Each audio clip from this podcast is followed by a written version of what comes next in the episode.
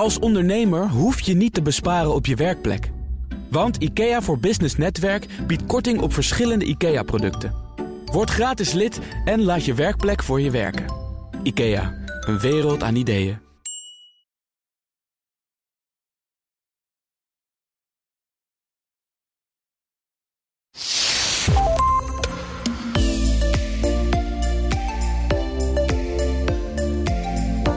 Leuk is het als twee gasten uit vorige afleveringen van de Werkprofessor besluiten om samen een boek te schrijven?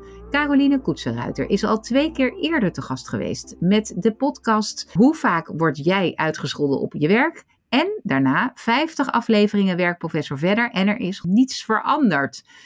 Hans van der Loo, onze andere gast vandaag, is ook al een keer hier te gast geweest en zijn podcast heette Je team voelt zich onveilig. Ze schreven samen het boek Giftig gedoe op de werkplek, van agressief gedrag naar sociale veiligheid. We zijn kampioen agressie op de werkvloer in Nederland, een titel waar we niet trots op zouden moeten zijn. Ben ik de matchmaker geworden voor hun boek of zijn ze elkaar via een andere weg tegen het lijf gelopen? Mijn naam is Wendy van Ierschot en je luistert naar de Werkprofessor podcast. Welkom Caroline en Hans, superleuk dat jullie er zijn. Hallo. Ik weet dat dit een geweldige podcast gaan hebben, want we gaan het uh, hebben over de belangrijkste dingen die we zouden moeten doen om weer terug te keren naar sociale veiligheid. Maar ik vraag me natuurlijk nog steeds af, ben ik de matchmaker van jullie boek? Dat, uh, dat zou wel een geweldig idee zijn. En toch ligt het net weer even iets anders. Hans en ik, uh, wij hebben, dat is altijd zo, hè? hebben contact gehad uh, naar aanleiding van mijn boek Het Agressieparadijs. En wij hadden een gesprek waar ja, de vonken van afvlogen. en met name hoe Hans eigenlijk heel snel de kern wist te raken. Dat we in Nederland qua werken echt van agressie naar progressie moeten raken. En dat, um, ja, dat, dat, dat is, wat is dat? Nou ja, agressie, dat is natuurlijk dat je op dit moment ziet dat er veel mensen op het werk gepest worden, eh, buitengesloten worden, uitgescholden worden, zelfs, zelfs bedreigd of, of geïntimideerd of zelfs soms geslagen door collega's. En dat het natuurlijk eigenlijk de, de ja, ontzettende vreemde gewaarwording is. Uh, we moeten naar vooruitgang. We moeten zorgen dat iedereen in Nederland gezien, gehoord en gewaardeerd wordt op het werk. Dat verstaan wij onder progressie. Ja, en dat was precies uh, waar je mij s'nachts voor wakker kan maken. Dus toen besloten wij al snel samen die pen op te pakken en waren we ook niet meer te stoppen. En als je kijkt naar jullie boek, hè, want jullie hebben het over giftig gedoe. En daarin beschrijven jullie vijf categorieën. Kunnen jullie daar eens even ons doorheen leiden? Van wat, is, ja, wat zijn de vijf categorieën van giftig gedoe op de werkvloer? Nou, misschien eerst nog even terug naar uh, giftig gedoe. Uh, waar gaat dat om? Het gaat om duurzame patronen van agressief gedrag. En uh, wat die agressie uh, betekent, dat zullen we dan zo vertellen aan de hand van die vijf kenmerken. Maar het gaat om duurzame patronen. Dus niet één keer iemand die uit zijn dak gaat. Nee, precies. Je mag wel nog gewoon een keer heel zagrijnig zijn en een ja, keer uh, schreeuwen terwijl je dat helemaal er niks mee bedoelt. Maar, juist, uh, juist. het gaat om herhaaldelijk gedrag. Met als gevolg dat mensen zich onveilig gaan voelen, angstig worden, zich onveilig voelen. En dat er allerlei destructieve effecten zijn. En dat is een moeilijk woord voor het feit dat het echt ziekmakend is. Dat mensen er van slag van raken, echt ziek worden, gestrest zijn. En uh, ja, soms ook thuis komen te zitten. Dat, dat is giftig gedoe. Nou, die ja. vijf kenmerken, als we die onder de loep nemen, dan gaat het eigenlijk om een bekend rijtje van intimidatie. Dat is bedreiging, mensen wat dan betreft dreigen met allerlei uh, dingen die je uh, wellicht gaat, gaat doen. Dat heeft te maken met discriminatie, zeggen dat mensen minder waard zijn en dat ze er niet bij horen. Dat heeft te maken met pesten en dan is dat niet echt iets meer dan plagen. Pesten gaat veel verder, dat is echt wat dan betreft echt een vergaande vorm van, van geweld en, en fysiek geweld. En we hebben er nog een vijfde aan toegevoegd en dat is corruptie. Alles wat te maken heeft met fraude, dat soort zaken. Want dat bleek toch in een hoop gevallen bleek dat de aanleiding te zijn voor giftig gedoe. En wij Nederlanders denken dat het wel meevalt met die corruptie. Maar dat, dat is niet helemaal zo. Er, er, er vindt meer corruptie plaats dan we denken. Oké, okay, ik wil heel even voordat we verder gaan op twee van die vijf kenmerken ingaan. Namelijk dat pesten waarvan je zegt van hé, hey, dat is iets anders dan een beetje plagen. Dus wat is dan de grens? Hè, wat, ik, ik vind zelf dat je veel hoort van ja, mag je dan tegenwoordig helemaal niks meer. Uh, dus laten we daar en dan daarna even terugkomen op dat corruptiestuk. Ja. Maar even over pesten. Wanneer is iets wanneer is het iets plagerig, wat mag, en wanneer wordt het pesten? Nou, dat is wel een mooie vraag, want eigenlijk zie je dat plagen is, is heel wederkerig. En wat is dat nou? Bij plagen zijn we allemaal wel eens aan de beurt en delen we ook allemaal wel eens een plaagstootje uit. Dus een, een, een, een fout grapje of een, een, een, een, een, een leuk bedoeld gebbetje. En bij pesten is er vaak echt een aangewezen doelwit. Het is steeds Carolien waar iedereen vies kijkt als zij iets zegt tijdens de vergadering. Het is steeds Carolien die we niet meevragen om mee te gaan lunchen. Het is steeds Carolien waar we, en dan heb ik het echt over een nare vorm van pestgedrag, zelfs spugen in de koffie of iets dergelijks. Dus het, het, ja, even een vies voorbeeld. Ja, we hebben wel meer van dat soort nare voorbeelden. We gaan er ook veel bespreken wat ons betreft zo dadelijk. Maar je ziet dus eigenlijk dat het een, een, een vast doelwit is. Je ziet ook dat degene die pest daar ook een bepaalde status zelfs of een soort aanzien uit de groep van kijk eens even hoe uh, de boelie van de afdeling of de plaaggeest of zeg maar gerust de pestkop van de afdeling hier iedereen uh, in de tang weet te houden. Dus het geeft ook een stukje macht of aanzien zelfs. En uh, ja, de gepeste, die creëert vaak uiteindelijk een, een, ja, een soort schulp om zich heen en wordt soms ook letterlijk ja, wat we noemen aangeleerd hulpeloos en ziet ook geen uitweg meer. Merkt ook dat niemand iets doet, dus collega's gaan eerder meelopen, meehelpen met die pester dan dat ze het eens even hè, voor eh, de gebeten hond opnemen. En wat we ook zien is dat pesten minimaal zes maanden duurt. En dat is toch ook wel zo'n kenmerkend verschil waar Hans het net al over had. Ja, dit is echt herhaald gedrag, patroonmatig gedrag, uh, stelselmatig pesten, iemand saboteren, iemand uh, verkeerde stukken toezenden, iemand uh, in zijn agenda juist afspraken wissen, waardoor je nou ja, een enorme flater slaat bij een belangrijke vergadering. Ja, en dat kan uiteindelijk natuurlijk ook via de chat, via de appberichten, lelijke foto's die bewerkt worden van je, waar je ja. lelijke ondertitel. Oh, vreselijk. Oh, Caroline, ja. hou maar op. Ik vind het echt, ik vind het zo erg dat we dit hebben eigenlijk, hè, dat überhaupt mensen dat doen. Waarom doen we dit? Waarom, hè, jullie noemen vijf kenmerken. Ik kom nog terug, uh, lieve luisteraar, ik vergeet het niet, op corruptie, intimidatie, discriminatie, pesten, fysiek geweld. Waarom doen we het? Nou, er zijn verschillende antwoorden op. Deels omdat het in de mens zit. Het is een menselijke oerdrift, wordt wel gezegd. Nou, daar moet je altijd erg mee uitkijken, want in de loop van de geschiedenis hebben we geleerd om deze oerdrift, die agressieve oerdrift, althans aardig te beteugelen. En we zijn wat dat betreft, zijn we door de eeuwen heen zijn we steeds ja, eigenlijk beter met elkaar uh, omgegaan.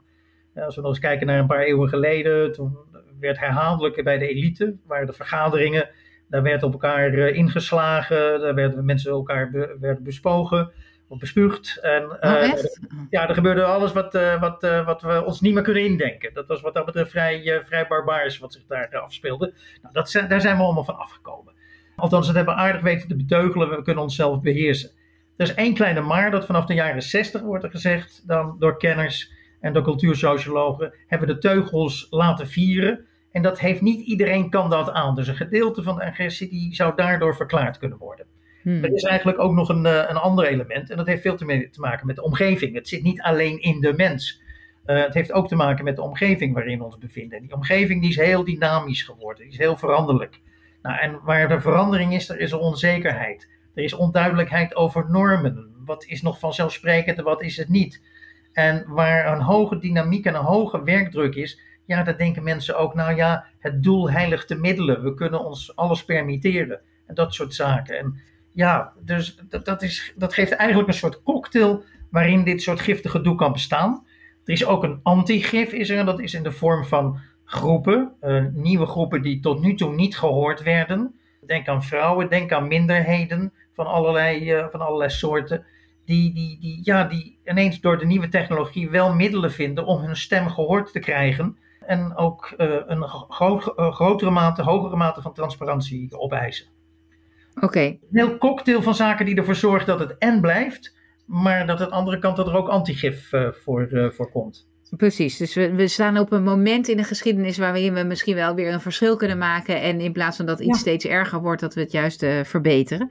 En kennelijk hebben we dat dus al eerder gedaan, want het was vroeger nog veel erger. En toen is het een tijdje wat beter geweest en nu zitten we weer in een verslechterende situatie.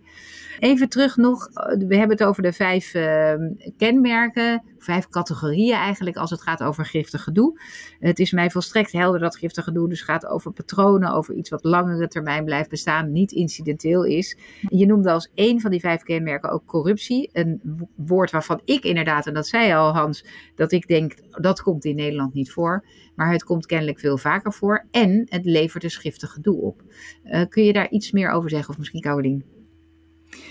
Ja, wat we, wat we zien is dat, um, en daar zijn toch ook veel voorbeelden van, hoe personen, professionals in Nederland inderdaad op het werk onder druk worden gezet om ja, stukken weg te maken of te verdonkeren manen. Maar ook um, ja, een voorbeeld wat we, wat, we, wat we tegen zijn gekomen is een, uh, ja, toch iets wat vaker voorkomt dan ons lief is, dat collega's ja, bijvoorbeeld met allerlei declaraties gaan rommelen. Hè? En of het dan van, van reis- of verblijfkosten is en je spreekt ze daar vervolgens op aan omdat je een controller bent of iemand van de administratie nou, dan ligt verbale agressie of zelfs intimidatie daarna behoorlijk om de hoek. dus als jij uh, achter mij aankomt, dan kom je er nog wel, kom je er nog wel achter uh, wat ik voor jou uh, hier, hoe ik jou hier het leven zuur ga maken of iets. Ja, dus corruptie is eigenlijk een, een, iets wat je doet wat op zichzelf misschien, hè, je zou dat ook een daad van agressie kunnen zien, maar dat, zo zouden we dat nog op in het relationele sfeer nog niet zo uh, kunnen benoemen. Maar dan het gevolg daarvan is dat je dan vaak, als je daarop aangesproken wordt, dat daar wel agressie bij komt kijken. Ja, het zijn altijd besloten groepjes die zich daarbij bezighouden. En het gaat altijd om geniepige activiteiten eigenlijk, ten eigen voordelen. het gaat om zaken die je doet en die niet horen, maar die je geniepig doet. Dus er een soort stilzwijgen is eromheen. Er is ook een afschrikwekkend effect naar anderen. Als je met onze zaak bemoeit, dan. Dus de weg naar intimidatie is heel klein. En je ziet in feite dat ja, dit soort corrupte, half criminele activiteiten, dat die, soms heel criminele activiteiten, ja, dat dat een voedingsbodem is voor dat giftige doel. Dus ja. nou, we moeten dat wel meenemen. En wij Nederlanders denken over het algemeen, nou, dat valt wel mee met corruptie. En dat is objectief is ook zo. Er is een soort corruptieladder uh, is er. En daarin scoren we nog steeds, zitten we in de team, top 10 van de minst corrupte landen. Maar we gaan wel elk jaar gaan we één of twee plaatsen naar beneden. Dus er is wel iets aan de hand. Ja, Oké, dus laten we nog heel even stilstaan in deze podcast bij hoe houden we dit eigenlijk in stand en welke patronen zijn er te herkennen voordat we dan uh, doorgaan naar hoe gaan we dit oplossen? Wat moeten we doen om dit te voorkomen? Of in ieder geval als je erin zit om het dan uh, te veranderen. En laten we even zeggen, wat zijn die patronen? Hoe, hoe, hoe houden we dit in stand met elkaar? Nou, wat mij altijd heel erg opvalt, hè, en dat is ook echt de vraag die jij nu stelt: van hè, hoe kan het toch dat we ons zo vreselijk gedragen op het werk? Ja, we zien toch wel dat er bepaalde type organisaties zijn, dat noemen wij de 24-uursorganisaties. Uh, denk aan ziekenhuizen, brandweer, politie, het leger, waarbij inderdaad grote groepen mannen en soms met uh, ook een aantal vrouwen daarbij, of juist in de meerderheid vrouwen, eigenlijk 24 uur met elkaar samen op die werkplek zijn. En vaak ook voor een deel zonder toezicht. Denk aan die avonddiensten, denk aan die nachtdiensten Denk aan die weekenddiensten. En zeker binnen die groepen, want we hebben het inderdaad toch ook dan vaak wel over groepsgedrag ontstaat soms door allerlei redenen. Soms door verveling, juist een, een, een manier om de tijd te doden en te gaan afreageren en te gaan pesten of te discrimineren. Of juist omdat je in die nachtdienst werkt met die collega in een sfeer van beslotenheid, letterlijk in het donker. Het is muisstil op die afdeling in het ziekenhuis. Hè? En je voelt je wat eenzaam en die collega van jou ziet er toevallig heel erg leuk uit. Weet je wat? Ik ga ze informeren naar het seksleven. Ja, het zijn allemaal weer van die voorbeelden waarvan je denkt, hè, maar als je binnen die factoren, binnen dat soort constructies eigenlijk kijkt naar hoe mensen zich kunnen gaan gedragen, dan is het dus misschien ook niet zo vreemd dat we met name ook op dat soort werkplekken echt een piek zien in die, ja, in die aantallen. Uh, dus dat is in ieder geval een van de verklaringen die we hebben waarom uh, we toch giftig gedoe uh, nog zeker niet als uitzondering zien. Want letterlijk, 1 op de 5 krijgt er dus gewoon mee te maken. 1 op de 5 werkenden elk jaar opnieuw. Ondertussen zien we dat er natuurlijk ook buiten die factoren om ook vaak een bepaald type leiderschap eigenlijk juist ontbreekt. We denken vaak, hè, oh, het zal wel een, een, een, een, een, enorme klojo van een baas zijn, een enorme macho. Nou, we zien juist dat die wegkijkende leidinggevende, die dus eigenlijk vooral de vriend of vriendin van hè, de collega's wil blijven, juist niet corrigeert, niet begrenzen, niet instappen, niet die plek der moeite zoekt, dat hij of zij vaak juist betrokken is bij het langdurig voortduren van gedoe. Uh, dus uh, we moeten ook eens kijken naar andere vormen dan actief machtsmisbruik. Want wij vinden het uh, passief machtsmisbruik als je als leidinggevende ziet dat iemand bijvoorbeeld voor aap wordt uitgescholden door een collega en vervolgens stilhoudt, wegkijkt of wegloopt. Wat er dan natuurlijk moet gebeuren is onmiddellijk die collega aanspreken, aangeven dat het niet geoorloofd is en ook zeggen je loopt nu mee, je zegt sorry en het is nu afgelopen. Dus dat, dat type leiderschap, ja, dat, dat is uh, toch echt op veel plekken niet, uh, niet goed op orde. En we zien daarnaast toch ook wel dat er vaak groepen collega's zijn ja, die helaas in wat we noemen een soort giftige acceptatie terechtkomen. Dus ja, echt uh, van het wegkijken zijn, ja, er eigenlijk niets mee te maken willen hebben, bang zijn om het volgende slachtoffer te worden en vervolgens achteraf vaak, moreel gezien, eigenlijk met hun eigen geweten in conflict komen, omdat ze beseffen dat ze soms dus maandenlang of jarenlang erbij stonden en niet handelden, terwijl hun collega ontzettend vernederd werd op het werk. Ja, dus je zegt er zijn dingen die in de context zitten, die het, ja, die het eigenlijk bevorderen, of in ieder geval uh, zorgen dat het niet minder wordt. Bevorderen zou je kunnen zeggen in die 24-uursorganisaties. Uh, het ontbreken van leiderschap is een belangrijke factor. En groepen collega's die eigenlijk met elkaar die giftige situatie accepteren. Wat zouden dingen zijn die, nog, die we kunnen doen om dat te doorbreken? Afhankelijkheden verminderen. Dat zou er één van zijn. Kijk, je hebt machtsmisbruik. En Carolien gaf dat net mooi aan. Dat kan zijn van bullenbakkenbazen. Dat kan zijn van wegkijkende bazen. Dat kan zijn van collega's die zich vervelen. Of die op andere manier uh, hun andere collega's terroriseren.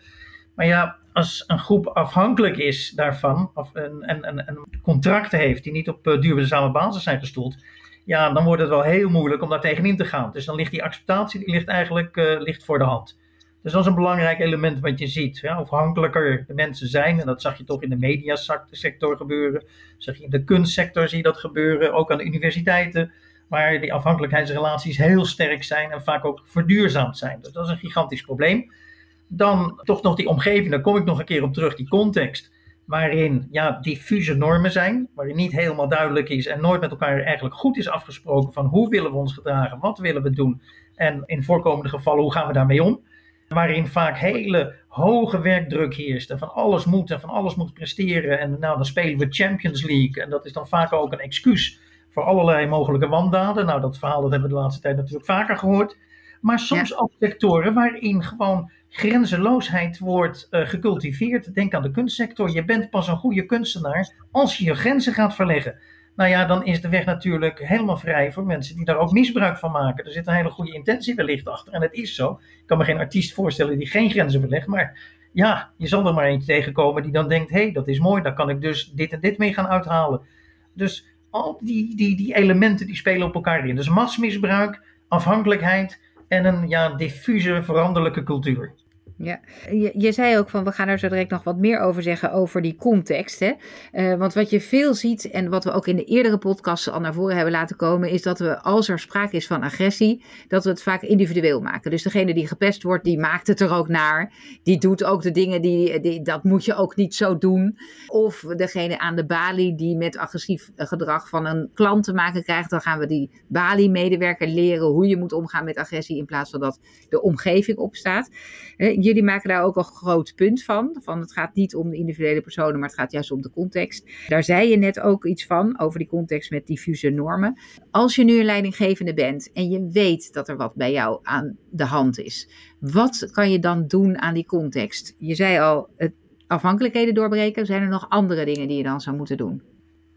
Nou ja, weet je, het is uh, wat ik al in ieder geval positief vind, is dat uh, in het voorbeeld wat jij schetst, die manager, die leidinggevende, al naar de werkelijkheid kan kijken. Want wat wij dus heel veel meemaken, is dat uh, die cijfers, die dus toch mindblowing zijn, heel ja, erg. 1 op de 5, hè? Precies, 1 op de 5.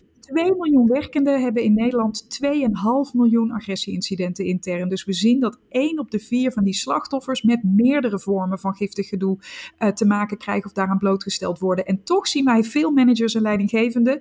Nee, dit speelt niet bij ons. Nee, dit speelt alleen bij, nou noem dan maar inderdaad weer de mediasector of de, de, de, de voetbalclubs. En dat wat je dan ziet is dat eigenlijk die persoon eh, zich afvraagt, die leidinggevende, die manager, wat kan ik daar dan nu aan doen? Hè? Hoe kan ik voorkomen dat het nu uh, eigenlijk verder de pan uitreist? Uh, het allerbelangrijkste advies wat ik dan kan geven is proactief op zoek gaan naar die signalen. Want je, je weet dat het speelt. Bij een organisatie van enige omvang speelt een van die vijf uh, vormen van de destructieve vijf, ongetwijfeld.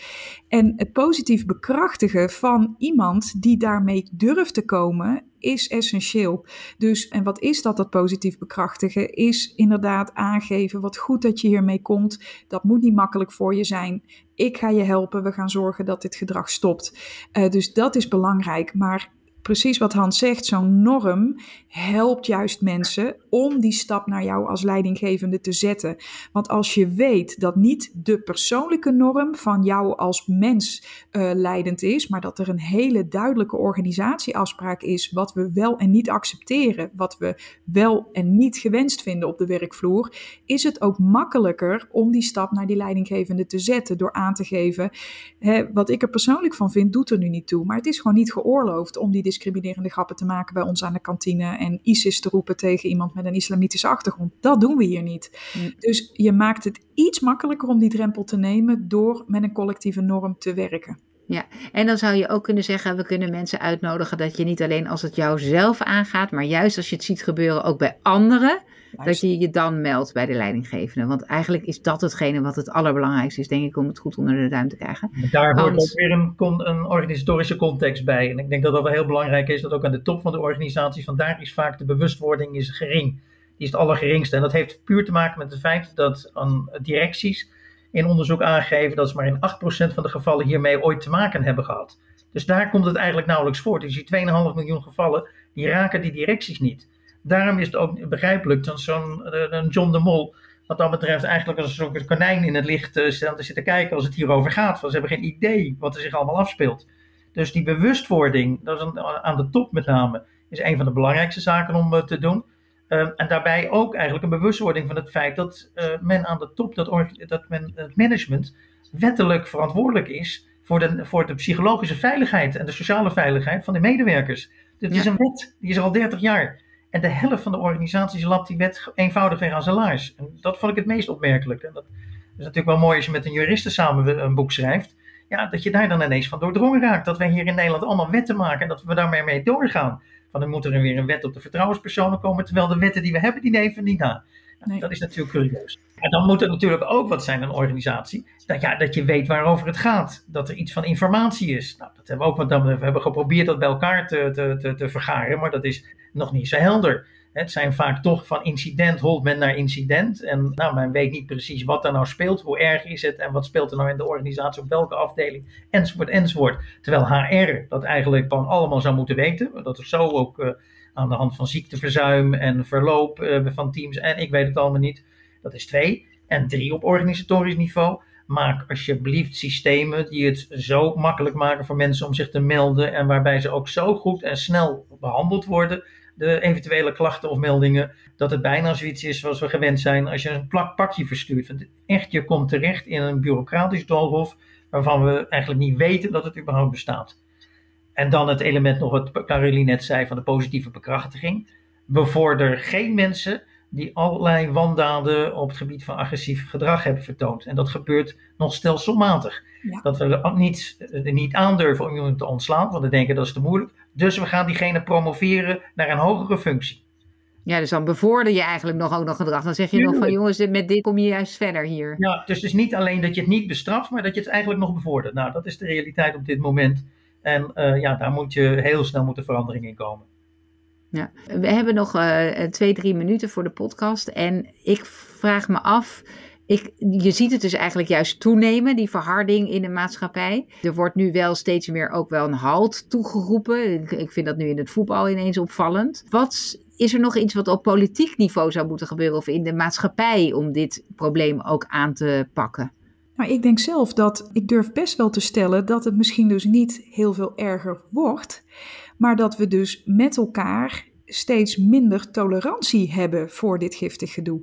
Uh, en dat is eigenlijk dus die hele positieve ontwikkeling. Wij pikken dit niet langer, joh. Dat we op het werk uh, worden gediscrimineerd of uh, in het kruis gegrepen. Of dat we letterlijk, een voorbeeld wat we ook tegenkwamen, dat er gewoon in een kantoor van een collega wordt geurineerd. En dat gebeurt stelselmatig. Wat vreselijk. Ja. Maar wij zijn dat wel een beetje zat aan het raken. En, en ik denk dat het heel belangrijk is dat wij inderdaad vooral niet dit grote probleem terugleggen op de schouders van al die flexkrachten, al die, die, die tijdelijke krachten, die ZZP'ers die we in Nederland inmiddels rijk zijn. Nee, dit is echt een werkgeversverantwoordelijkheid. Maar dat betekent ook dat precies die arbeidsomstandighedenwet, waar Ans het eerder al over had, ja, dat moet niet zo'n slappe hapwetgeving zijn waar geen inspectie op toeziet. Nee, dat moet je behoorlijk in de problemen brengen als werkgever. Als jij dus weet dat het speelt, maar vervolgens, ja, doe je er niks aan of promoveer je zelfs uh, de pleger. Want wat zien we ook nog wel is dat er eigenlijk een heel dadervriendelijke oplossing wordt gevonden.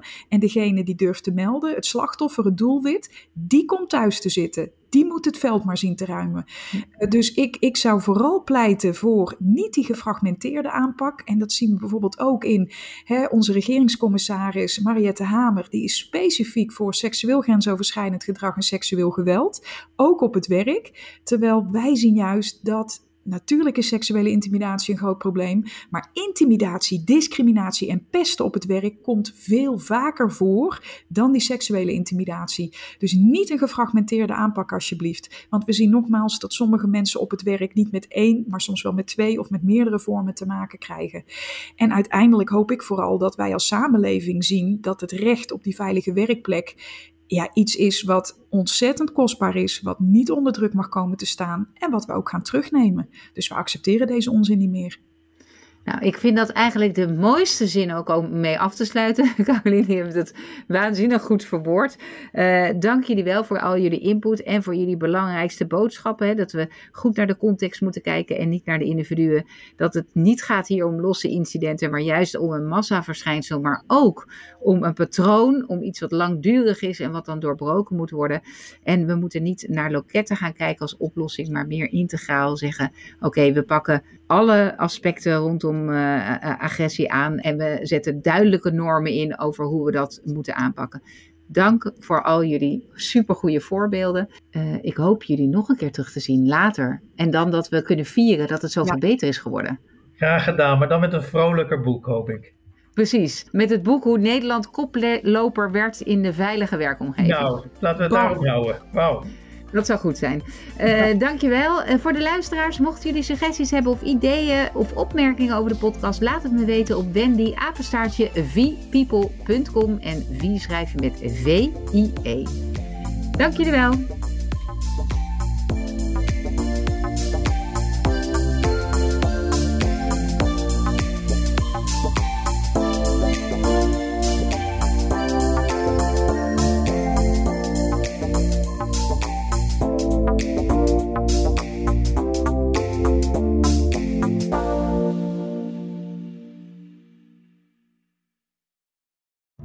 Inrichten van je eigen zaak is best wel wat werk.